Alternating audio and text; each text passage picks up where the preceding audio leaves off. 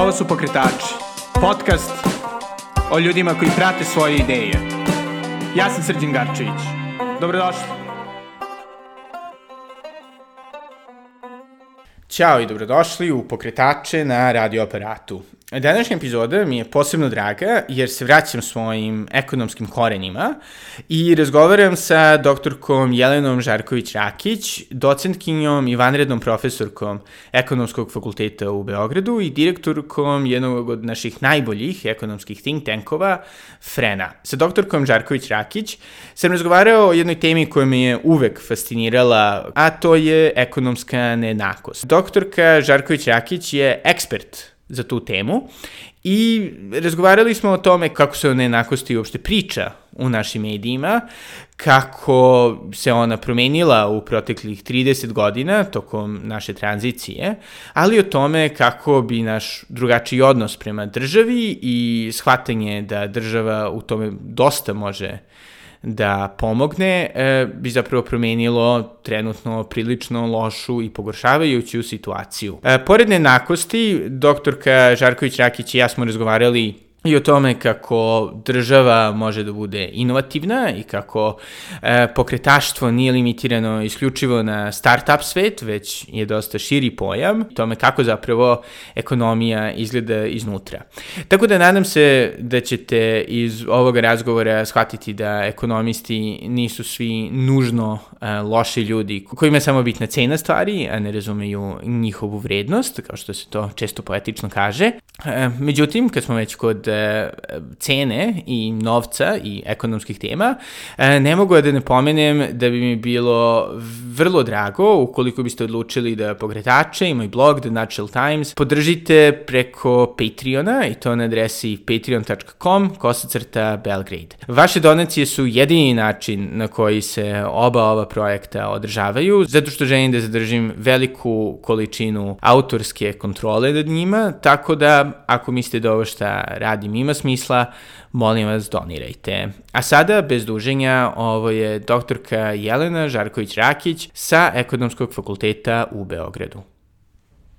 Kako ste odlučili da se uopšte bavite mm. ekonomijom kao naukom? Pa ja u stvari kad sam razmišljala koji ću fakultet da upišem, ja uopšte nisam imala ideju da se ja bavim naukom, ekonomskom naukom. Ja sam u stvari zamišljala da ću ja da radim u nekoj kompaniji super i tako multinacionalno, jer ja sam uvek volela tako da menadžerišem, da li svoje, da kažem, drugare u porodici i tako. I onda sam ja mislila da ću ja u stvari tako nekim biznisom da se bavim.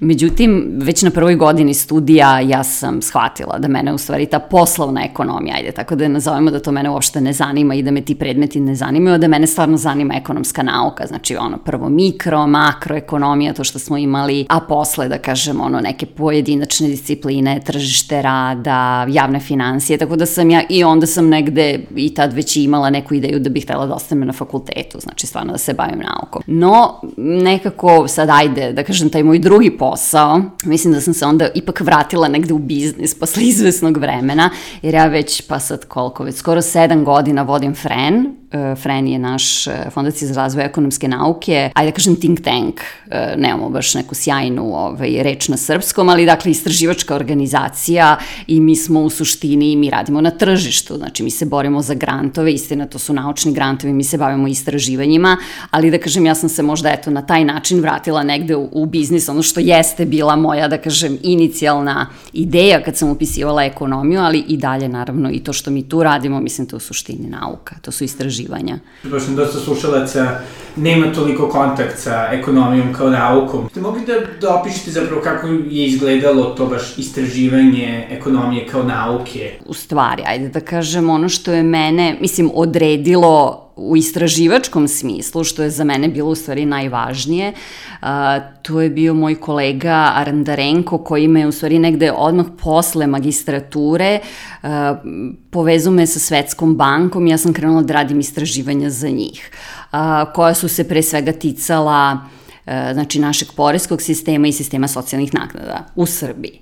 I mi smo se u stvari tada vrlo brzo povezali sa istraživačima iz Engleske, iz Essexa. Uh, oni su, i u stvari sad ajde već, uh, da kažem, on je poznat ekonomista, preminuo je pre pa, dve godine Anthony Atkinson, koji je bio njihov, da kažem, šef intelektualni tog univerziteta u Engleskoj i oni su, u stvari on je napravio prvi model za Veliku Britaniju koji simulira poreze i socijalne naknade. I onda smo mi po, po ugledu na njih u stvari to napravili za Srbiju. To je znači bilo pre nekih 10-11 godina. Uh, I ovaj, tako da sam ja onako brzo upala u te vode i to me onda, iz, to je odredilo negde i moje teme kojima sam se ja kasnije bavila. Znači, u stvari, vrlo praktičan rad. Dakle, ono što sam ja do tada samo teorijski izučavala, mi smo počeli to da ispitujemo na podacima za Srbiju i da se upoznajemo, da kažem, sa našim javnim politikama eto, to je nekako, to je bio početak i to me negde posle, da kažem, i uvelo u to istraživanje koje se tiče nejednakosti i ono što mislim da sam, da je barem neki moj istup u javnosti po čemu je najpoznatiji.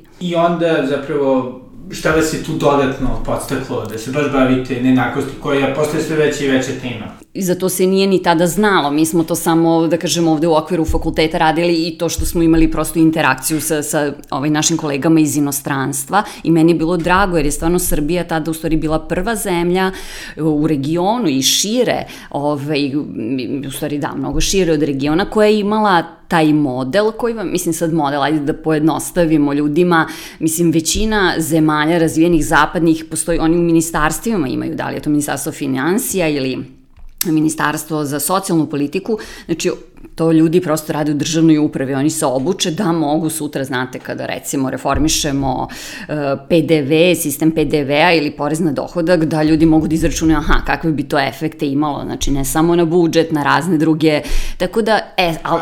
Znači, je li tako, efekte i na populaciju? I na populaciju, naravno. Radi, jeste, radi se sve sa mikropodacima, dakle, to je, mislim, nama u stvari bio negde motiv, kad smo krenuli da pravimo taj model, uh, jer se u Srbiji nekako ono u javnosti što vi možete da čujete kada se raspravlja o bilo kojoj reformi, to je kakve ima efekte na budžet, što je nas prilično iritiralo, mislim da kažem, ajde naš neku grupu istraživača, jer to nije jedini kriterijum u odnosu na koji mi treba da ocenjujemo da li je neka politika koju hoćemo da reformišemo dobra ili ne. I, ovaj, ali kažem, kod nas ni u državnoj upravi ljudi nisu imali instrumente kojima to mogu da mere, što je, ja sam sad ovaj model pomenula, mislim nekako standardni instrument koji se, eto, čak nalazi u, u, ministarstvima, dakle nije to sad nešto naše samo isključivo akademsko. Tako da je meni bilo drago, kaže, mi smo to prvo napravili za Srbiju i onda su naše kolege neki iz regiona u stvari krenule, i Makedonci, uh, kolegi iz Bosne, mislim Hrvatska recimo tek kasnije ovaj, uh, pristupila tome. Naravno, kažem, nama je u stvari ideja i bila da mi uz pomoć tog modela posmatramo distributivne posledice neke reforme. Dakle, ko najviše, ko dobija od neke reforme, ko gubi i koliko. Ali kako je to sad sve, da kažem, nekako više zainteresovalo širu javnost, e, to je bilo 2015. Ja sam slučajno upoznala ljude iz izdavačke kuće Akademska knjiga u Novom Sadu. Oni su tada prevodili Piketija.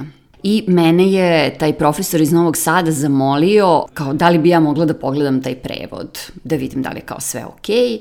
I ja sam rekla dobro. I onda se upustila u tu avanturu, mislim 700 stranica, a, imala sam i malo vremena, ali sam ja to onako kako sam obsesivna, ja sam to sve, ovaj, sve pregledala. I onda naravno, mislim znate šta je naravno Piketty uradio, mislim na globalnom nivou koliko je u stvari šta je napravio od teme nejednakosti. I onda u stvari, mislim sad naravno ovo zvuči ironično, a, da je bila srećna okolnost da je Srbija I to smo mi već videli u podacima, jer je tada počeo, u stvari 2013. izašao prvi SILK, anketa o prihodima i uslovima života koju sprovodi RZS, a koja postoji u svim zemljama Evropske unije. Mi bez obzira što nismo članice Evropske unije, naš, naš zavod za statistiku je pristupio izradi te ankete, tako da smo mi onda od 2013. po prvi put mogli da imamo uporedive podatke, dakle kako Srbija stoji u pogledu na jednakosti u odnosu na druge zemlje evropske.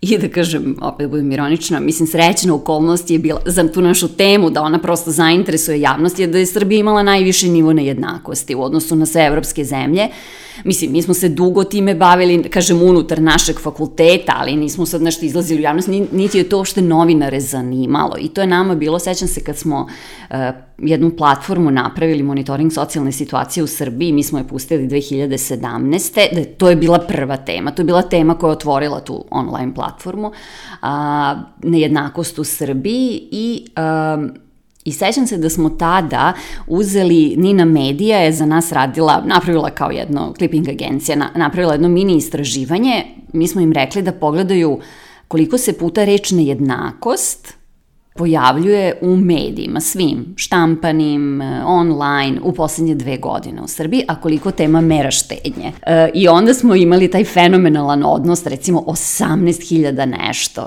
puta se pojavile mere štednje, a nejednakost 50 puta.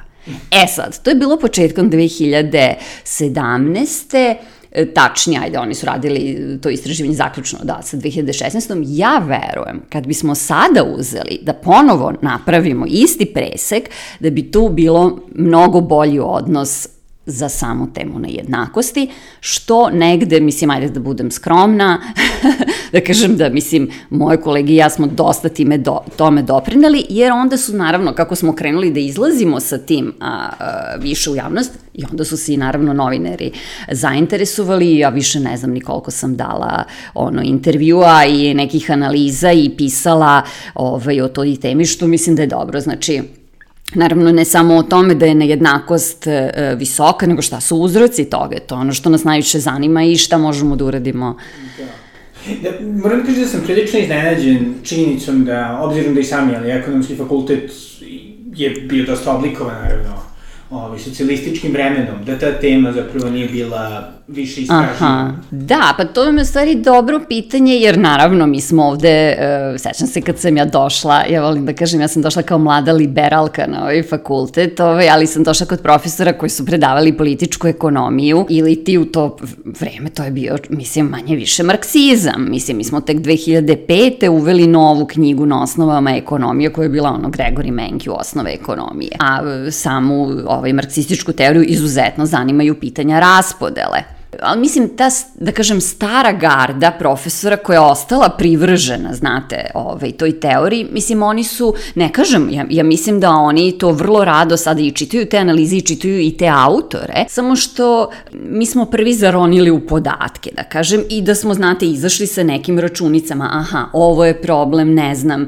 e, porezki sistem ne smanjuje dovoljno e, nejednakost zato što nije dovoljno progresivan, socijalne naknade, nisu dovoljno izdašne. Znači, mi smo izašli sa konkretnim primerima koje su to javne politike koje ne valjaju, a koje doprinose nejednako. Znači, to sad nije, sad, znate, to nisu sad bila one teorijske rasprave isključivo kao sada... Pff, ne znam, e, šta je pitanje raspodele, koliko ide radnicima, koliko ide kapitalistima, što su bile negde standardne teme za, da kažem, za tu grupu marksističkih. Mislim, te teme su se naravno ponovo vratile. Vi sada ako čitate, i ako čitate Branka Milanovića, mislim, ajde sad ovu njegovu najnoviju knjigu, uh, ovaj, vi ćete, uh, kao u ostalom i Piketija, mada ljudi, naravno, ja mislim, koji nisu pročitali Piketija, reći će da, da Piketi, ne znam, glorifikuje Marksa, ali on vrlo jasno kaže, mislim, on je dao naravno provokativan naslov svoje knjige da bi ljude i, i privukao da, da uzmu da je pročitaju,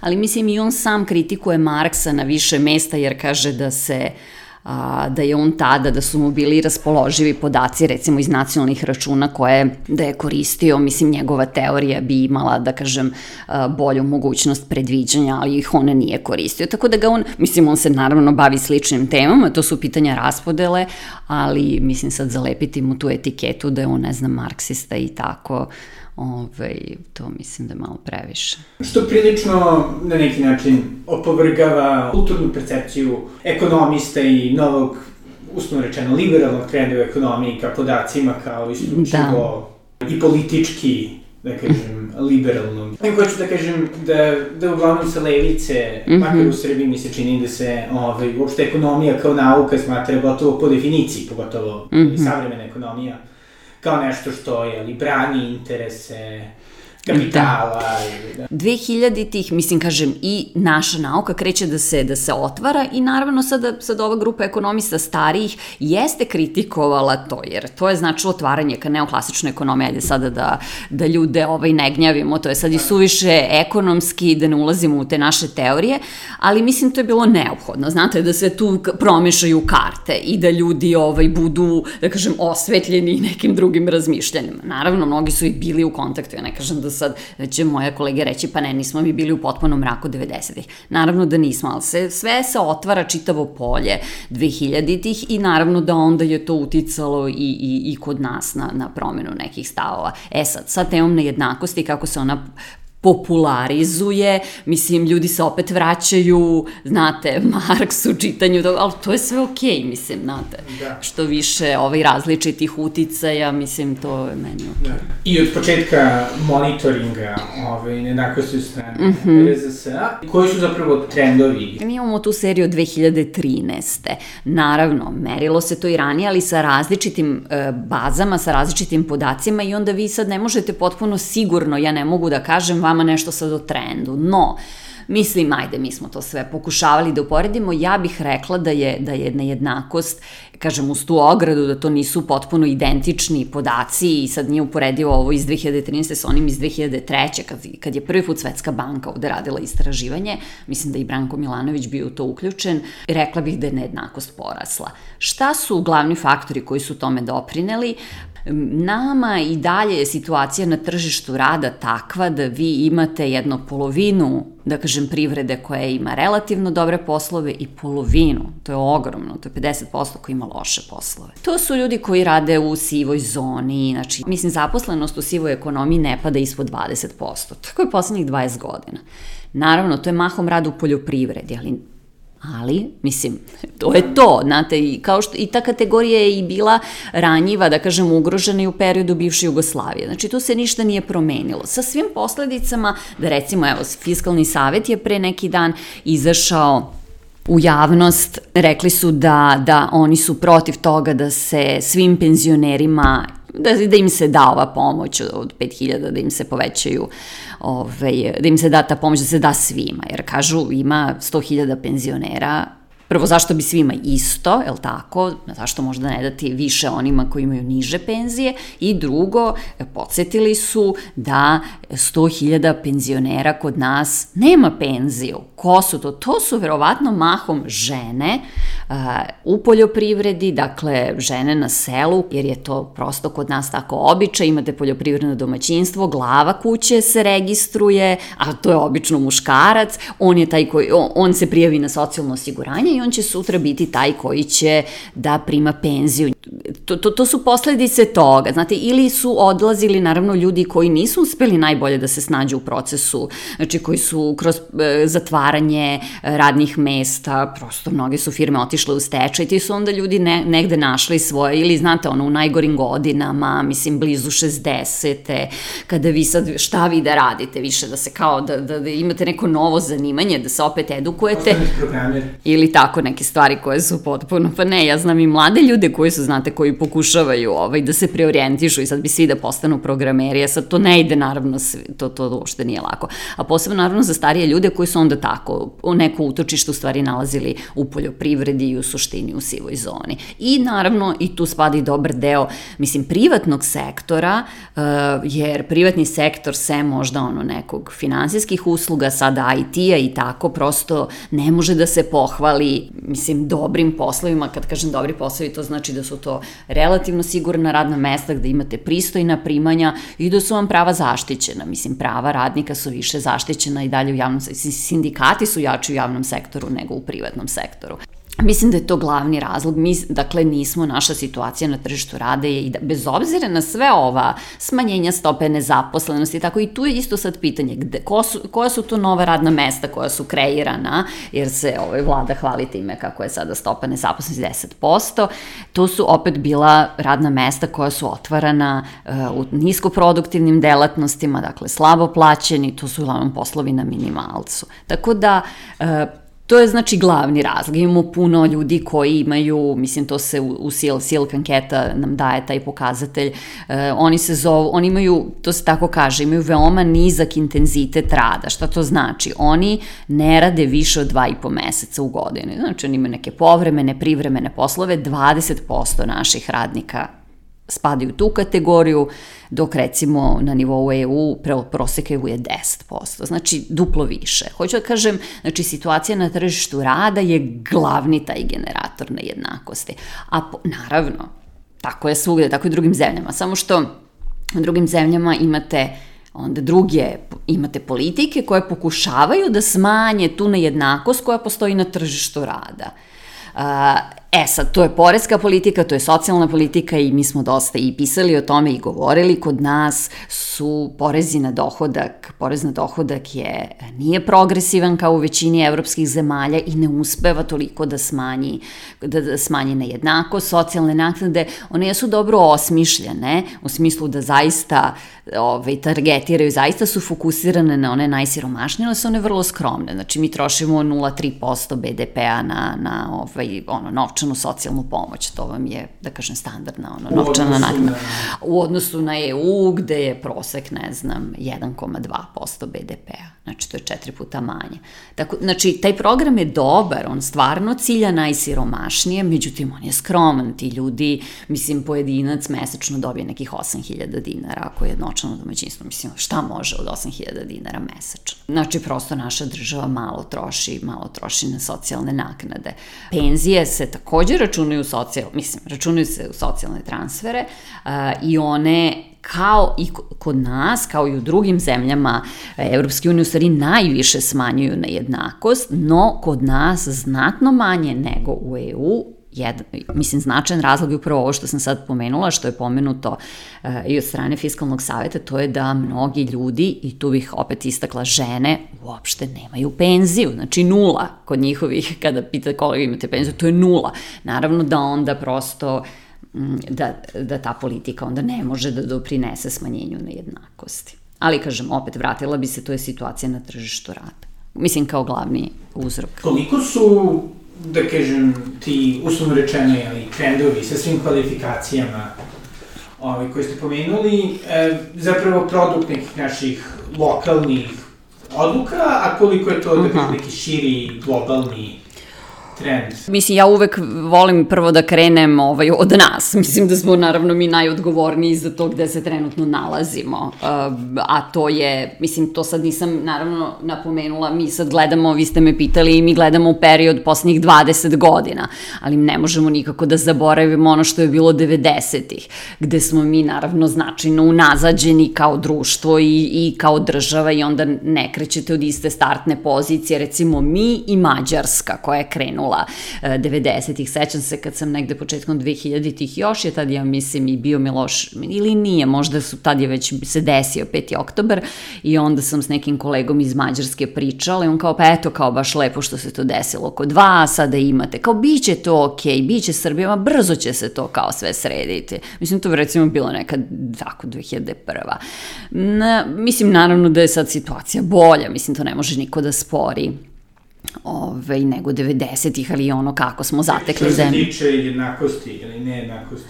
Uh, pa tada to niti, ja, ja, ni ne znam da smo tada, mislim, to je bilo zaista vanredno stanje. Ja nekako ne bih se, čak i ako je to neko merio i, i računao, mislim, ja tu uopšte ne bi se na to osvrtala i to upoređivala. Znači, u svakom smislu vanredno stanje. Tada, u stvari, da, nejednakost, ono što bih rekla, već su se zapatile, već je, već je tu stvari, znate, već su se tu negde odnosi poremetili, mislim, privatizacija je na određen način, ona je i krenula 90-ih, dakle, ljudi koji su tada bili u nekim privilegovanim pozicijama, dakle da li su bili direktori socijalističkih preduzeća, tako, oni su naravno već imali odgovarajuće resurse s kojima su krenuli u privatizaciju, da ne pričam, da mislim i privatizacija, mislim privatizacija, stvaranje privatnog sektora, recimo u zdravstvu je takođe krenulo u 90-ih i to od ljudi koji su tada bili direktori bolnica, znate, povezani sa strankom na vlasti i tako. Tako da ne samo da je to značilo prisvajanje resursa, mislim javnih u privatne ruke, tu su već karte krenule da se dele. I onda krećemo naravno novi talas privatizacije ove, 2000 tih koji je opet stvorio na te neku novu klasu sada nekih naših prvih kapitalista šta god mi mislimo, ali to je bio taj proces, kako kažu, prvobitne akumulacije kapitala.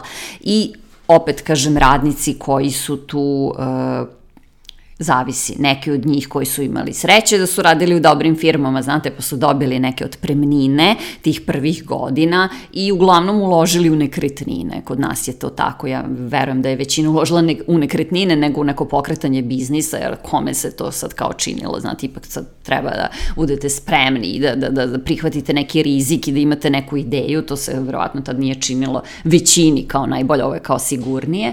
Mislim, te 90. ne možemo da zanemarimo da je to imalo utice i tekako na ono što se posle 2000-ih dešavalo, naravno ne samo ekonomskom, mislim, nego i u političkom smislu, ko su bile te nove elite, šta je njima odgovaralo, mislim, oni su takođe uticali na kreiranje politika koje su onda posle nas doveli, e, znate, do te situacije. Naravno, svet je, dok smo mi se bavili ovde našim internim konfliktima na Balkanu, mislim, svet je išao dalje, te zemlje koje su krenule putem tranzicije 10 godina pre nas, naravno da je to nas onda i kasnije dovelo 2000 dovedite u neravnopravnu poziciju, jer možda bi Škoda došla u Srbiju, ne bi otišla jeli, u, u, ne znam, Slovačku. Mislim da smo izgubili, naravno, ove, mnoge i prilike za investiranje, da smo, recimo, i mi 89. krenuli, kao i druge zemlje, bivše komunističke. Da. A sa druge strane isto, socijalna država u ostatku, jeli, Zapada je krenula da se erodira. E, to, tako je, tako je, mislim, i to, u stvari ste to dobro rekli, zato što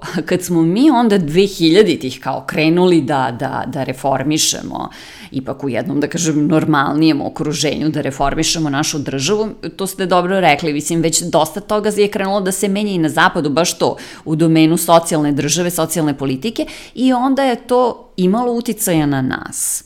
Jer naše politike, naravno, da je dolazila masa stranih konsultanata, ne samo da je ovo što je naravno bio prisutan uticaj Svetske banke i, i MMF-a, Ujedinjenih nacija, Međunarodne organizacije rada, znači institucija koje su standardno bile prisutne u svim zemljama, naravno tu su dolazili i kroz pomoć pojedinačnih država, članica Evropske unije, da je to Nemačka, Švajcarska, tu su dolazili njihovi konsultanti koji su, znate, prenosili njihove ideje koje su se već vremenom bile tamo razvile i sad to je zavisilo nekada, mislim, i opet je, ali moram da kažem, mislim, kao neko ko je ipak um, mislim, već dugo, dugo, skoro deceniju. Mislim, ja kako sam počela da kažem taj praktični rad, ja sam počela i da radim, mislim, na projektima koji su se ticali izmena politika u našoj zemlji. Mislim, mi imamo, ja mislim, ljudi ako ne, ne uđu iznutra, to ne posmatraju, imaju tu iluziju da nama neko nešto diktira, to je MMF, taj zli MMF, sad će oni doći pa će nam smanjiti plate, pa će nam smanjiti penzije. Ne. To stvarno nije tako. Mislim, naravno nekada ja mogu da razumem da naši političari to koriste kao alibi, jer je lakše skloniti se iza MMF-a nego reći pa ne, ja sam taj koji sam to donao. Ali oni zaista tu služe kao neko ko vama daje savete, preporuke, uh, e, mislim, dobro je nekada zemlja da se zna kao, aha, čekaj, nešto te kontroliše MMF, kao, mislim, više za neke strane investitore, aha, to je sad tu kao neka sigurnost, oni njih nadgledaju, oni nadgledaju njima javne financije, ali to je više kao u smislu da šaljemo signale, jel tako, spoljnom svetu. Ali za nas, za našu, da kažem, ono, internu upotrebu, mislim, treba da znamo da oni ne odlučuju ni o čemu. Mi odlučujemo na kraju. E, e, šta ćemo od tih politika zaista da prihvatimo i da primenimo. Apsolutno mi. Mislim, oni tu nemaju nemaju uticaj, sem naravno da vi sad nekada može neko ko je na, na vlasti ili neki ministar da mu imponuje, ako je on, znate, um, sarađuje sa tim institucijama, što je sve uvek fino, tu sede isto neki ljudi sa nekim super diplomama, znate, i učeni, zaista, koji znaju svoj posao i to vama može da prija, ali konačno, kažem, odluka je zaista politička i na nama, tako da, eto, to je, mislim, moj odgovor na vaše pitanje pitanje ko je tu kriv. Mislim, najviše kriv, uslovno rečeno, odgovoran, ne kriv, odgovoran za ono što se dešava. Kako je li ovo podcast o preduzetništvu i jedna tema možda u proteklih deset godina od novog silikonskog bume, to kako će preduzetništvo ovaj, spasiti svet nejednakosti i ovaj, učiniti društvo boljim. Po vašem mišljenju, jel mislite da je to zapravo moguće? Pa ja uvek podržavam preduzetništvo. Mislim, sad, naravno, sad je pitanje kako bi ga, bi ga smo mi mogli ošte da definišemo. Naravno, ja kad kažem preduzetništvo, mislim to, ja ne mislim da je to isključivo definisano za privatni sektor. To možda bude definisano i za javni sektor. Mislim, sad ja ako istupam iz pozicije profesora ko radim na državnom fakultetu, mislim, to ajde da ga, moramo, ajde da ga pomenemo, to je naš zajednički poznanik Vid Štimac, koji mi u stvari jednom u, na, na Twitteru u neku, nekoliko tweetova u stvari skrenuo pažnju kad mi je rekao, dobro Jelena, ali ti si preduzetnik. I onda sam ga bila, dobro, kako to misliš? Pa kao ti radiš sa svojim studentima i guraš ih u neke projekte i kao radiš s njima ovaj, razne stvari, samo što je naravno to sad u domenu nauke, ne znam, to je tvoj biznis. I u stvari to jeste tako. Ako usvojimo tu širu definiciju preduzetništva, znači ako radi nešto, ako sad, mi se isto takmičimo, mi se takmičimo na tržištu grantova da dobijemo grant za neku našu istraživačku ideju, tako da i to isto preduzetništvo. Ili u tržištu uopšte za tržištu ideja. Mislim, evo ova knjiga, evo ovde gledamo Marijana Mazzucato koja se u stvari zove e, Preduzetnička država, gde ona u stvari e, podsjeća ljude, mislim, na, to je u stvari na neki način, da kažem, istorijska, mislim, ona priča o onome šta se dešavalo mahom u, u američkoj državi, u smislu koliko je država e, odgovorna za neke najvažnije inovacije, mislim, koliko je država, recimo, eto, sad kako pričamo o preduzetništvu, kao, ko je simbol preduzetništva? Pa Apple kao Steve Jobs, zar on nije bio kao genijalac? I ona to ne spori, ali kaže koliko je u stvari država pomogla da Apple bude ono što i danas jeste, mislim, kroz subvencije, kroz državne tendere, kroz ono, poreske podsticaje, to jest gledanje kroz prste u smislu neplaćanja poreza. Tako da, um, iako, kažem, ona ne spori njegovu genijalnost i super i proizvode koje on napravio i, i, i kreativnost i sve. E, tako da, nekako ja, dakle, ajde da kažem, podržavam preduzetništvo, mislim da je to ključno, ovaj, a mislim gde god, znači da li je to privatni, javni sektor, ovaj, i ona tu recimo daje neke super predloge kako bi u stvari privatni javni sektor mogli bolje da, da sarađuju i u stvari to pokušava da razbije taj mit da preduzetništvo postoji samo u privatnom sektoru i da zato mi treba da smanjimo državu, da je sklonimo, da je u stvari, a to onda znači i da je oslabimo, jer ona u stvari pokušava da pokaže da bez mislim u suštini jake i preduzetnički nastrojene države ne možemo da imamo ni dobre preduzetnike u privatnom sektoru. Mislim, to je onako da kažem osnovna poenta knjige koja se meni dopada. Kako uopšte izgleda vođenje jednog think tanka? Ja mislim kad sam počela, pre, evo, kažem, skoro sedam godina i sada, mislim, naravno, dosta toga se promenilo. Morate dobro da poznajete tržište, da poznajete ko su, da kažem, glavni akteri, ko su, mislim, ko, kakva vam je konkurencija, a, s kojom nekada radite i zajedno, naravno, što da ne, a nekad se takmičite. Um, mislim, ja bih rekla, i sad možda će ovo ljudima da zvuči, ja bih rekla da za ovaj posao stvari je lako da, da se radi u Srbiji, baš zato što, mislim, nama nedostaju ljudi, uh, um, ili, ajde da još pojednostavim, nema velike konkurencije.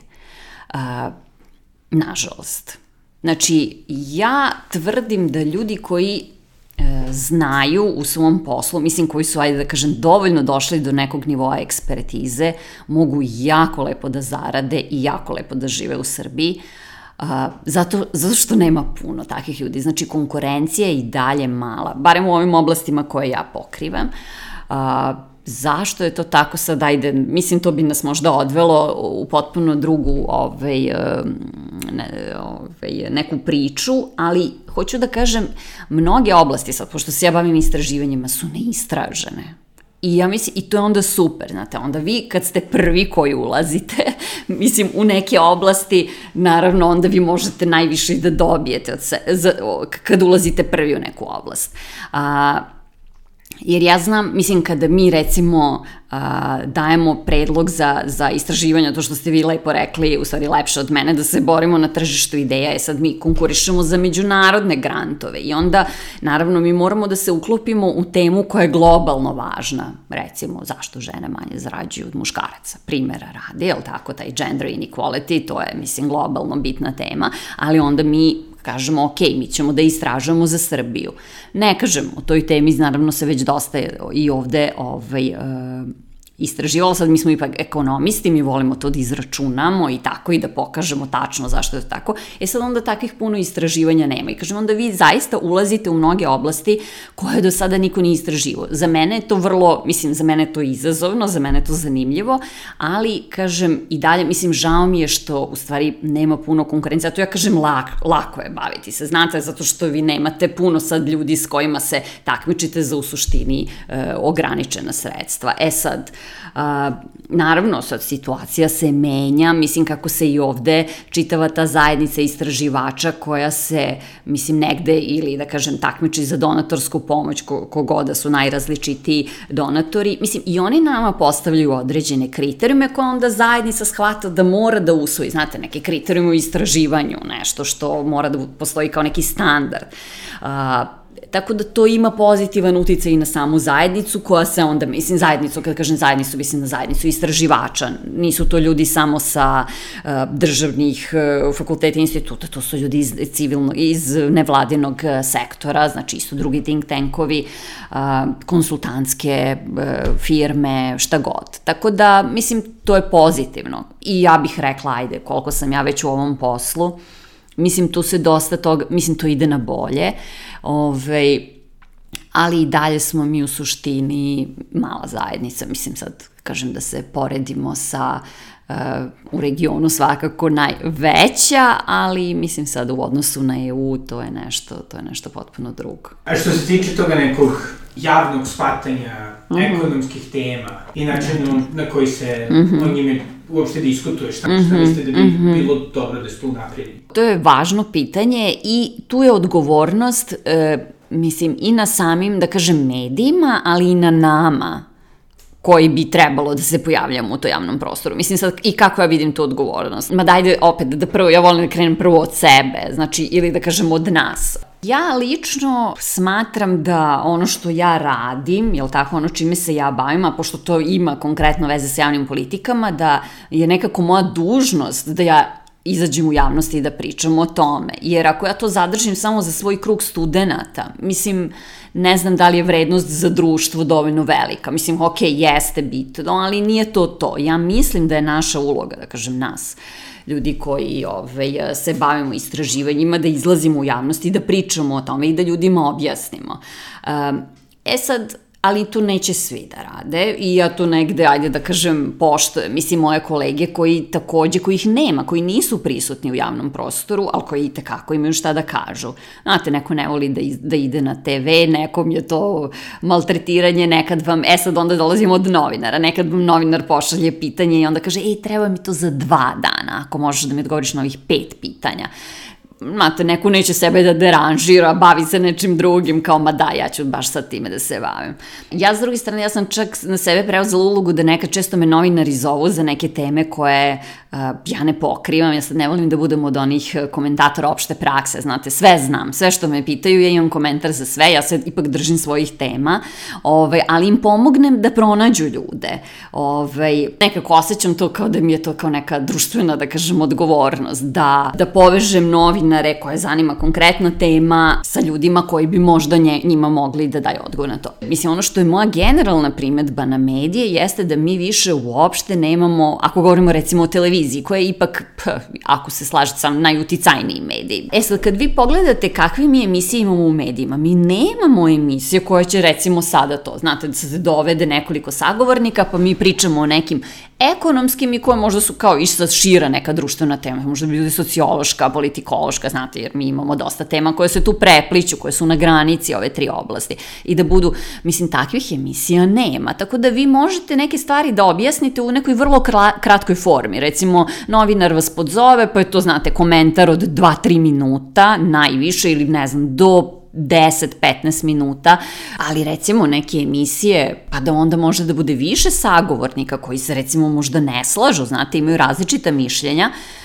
vi takvih formata u stvari uopšte nemate. To su, kažem, vrlo, vrlo kratke forme ili to kroz nešto čitanje, znači intervjua, to je okej, okay, to je isto okej okay novine, ali ovaj, ako se vratimo na televiziju koji je ipak najuticajniji medij, vi, više, vi nemate takvih uh, emisija. Ja se sećam da sam na N1 gostovao, pa to je bilo još negde prošle godine, sa kolegom Šoškićem i to je bila emisija od sat vremena i kao okej, okay, znam da je tada, tada je ministar Vujović uh, otišao i mi smo to malo komentarisali pisali nešto, program sa MMF-om i tako, eto, to je bilo, pritom i ta emisija nije ni stalna i vi ako pogledate, to je bilo na N1, uh, vi ako pogledate, uh, tu dominiraju sadržaji koji su ono, dnevno političke teme potpuno, uh, I onda kako je javnost uopšte da, mislim sad kad me pitate kako se informiše, pa mislim Mislim da je slavo posebno u smislu, znate, neke debate, evo sad ovo smo spominjali, Karingo,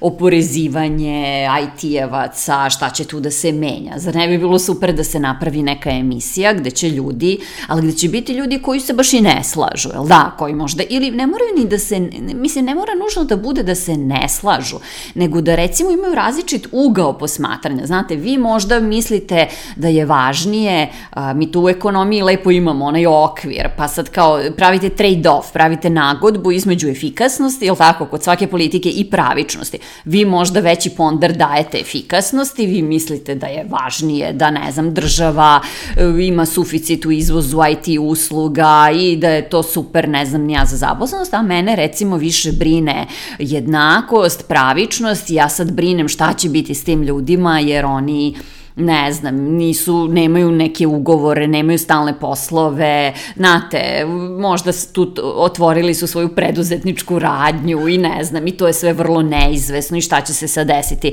sa njihovim radnim mestima. Kažem, ne moramo nužno da se ne slažemo, ali da se negde, da vi kao imate jedan ugao posmatranja, ja drugi. E sad, toga, mislim, kod nas, kada govorimo o ekonomskim temama, pa i širim društvenim, znači, nema, vi imate samo raspravu na dnevno političke događaje evo sad kad se vrati utisak nedelje, kao bilo mi je drago, naravno, jer želite da čujete i taj drugi glas, ali ja sam se podsjetila da sam ja utisak nedelje u njegovoj onoj prvoj, da kažem, pre nego što je prestalo prikazivanje, prestala da gledam poslednjih sigurno godinu i po do dve, jer sam bila potpuno zasićena, mislim, temama koje su tad bila, koje su iste bile, to su bile isključivo dnevno političke teme, ko je kome šta uradio, namestio i tako, što ja stvarno prosto, znate, to je ono, već vas zasipaju, bombarduju svaki dan i sad još kao treba, ne znam, dva sata to da gledate. A, obzirom na društvene promene koje smo pretrpeli u proteklih 30 godina, ovaj, koliko mislite da bi bilo korisno da širem obrazovnom sistemu, ili van ekonomskih fakulteta, postoji neka doza ekonomskog opismenjavanja. Mm. Znam da je bila priča da se uvede kao preduzetništvo, da li na nivou osnovne ili srednje škole, sad se više ne sećam, ali nekako ja e, mislim e, da bi bilo u stvari korisnije ili jednako korisno da imaju neki predmet koji bi bio nešto kao osnove ekonomije ili da kažem osnovi, znate, funkcionisanja još, vi, još mislim, osnove ekonomije bi bili u stvari vrlo ovaj, zanimljive, ali i e, naravno sa osnovama funkcionisanja javnih financija. Zašto to kažem? Ali mi se čini da su ljudi i sa ovim dešavanjima i Karengo i oko oporezivanja ovih IT-evaca i tako, i šta god, koja god tema da se javi, ne znam, rekonstruisanje trga. Ljudi, naravno, ono što je najčešće komentar je,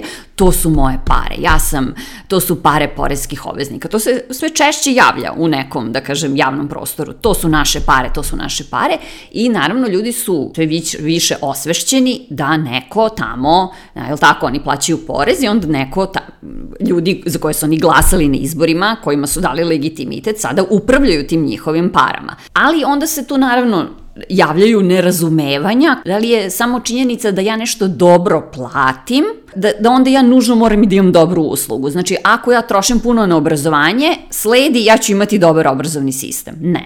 Znači, Važno je naravno da znamo tu vezu. Aha, mi sad plaćamo porez i to ide tamo u javne, ono, u državnu kasu i onda oni od toga nešto troše. To jeste jedan deo priče, ali drugo posle zavisi od samog funkcionisanja sistema, obrazovnog, zdravstvenog, šta god. Mislim, kakve ćemo mi na kraju imati ishode. Nije važno samo koliko para trošimo. I ovde isto ono što, što često ovaj, čujem, ljudi hoće da imaju dobru uslugu, ali bi da ne plaćaju kao porezi su i suviše visoki, a, a, nećemo i onda uvek kada se javi, kao što se sad javlja kod IT-evaca, pokušaj da se oni prijave na redovne, da kažem, ugovore, da imaju i da plaćaju pune poreze i doprinose, i mnoge druge grupe će se, sutra će biti neki drugi, mislim, do juče su bili lekari, zubari, advokati, Znači, sad su IT-evci, sutra će biti neki drugi. Sve visoko plaćene profesije, da, koje se onda pobune, zašto bi sad oni plaćali, jel tako, zašto svi oni ne bi mogli da budu paušalci.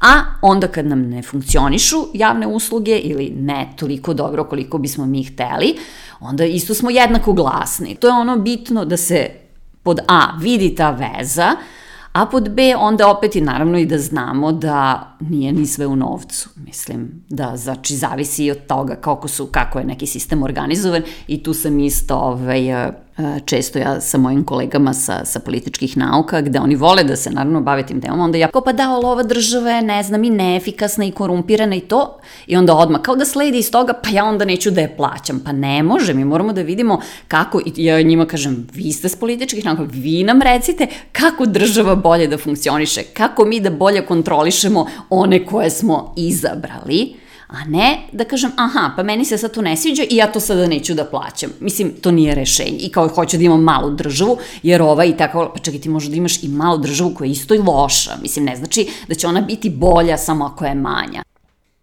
I, nažalost, ovde smo morali da prekinemo u strahu od e, pobune e, mojih prijatelja libertarijanaca. Naravno, šalim se, bilo je izrazito zadovoljstvo pričati sa Jelenom o ovako bitnim temama i nadam se da vas je ova epizoda makar malo zainteresovala za pitanje ekonomije i uverila da ekonomisti nisu isključivo bezdušni roboti koji se trude da vam unište život, već da zapravo ekonomija i ekonomisti mogu dosta toga dobrog da učine na svetu.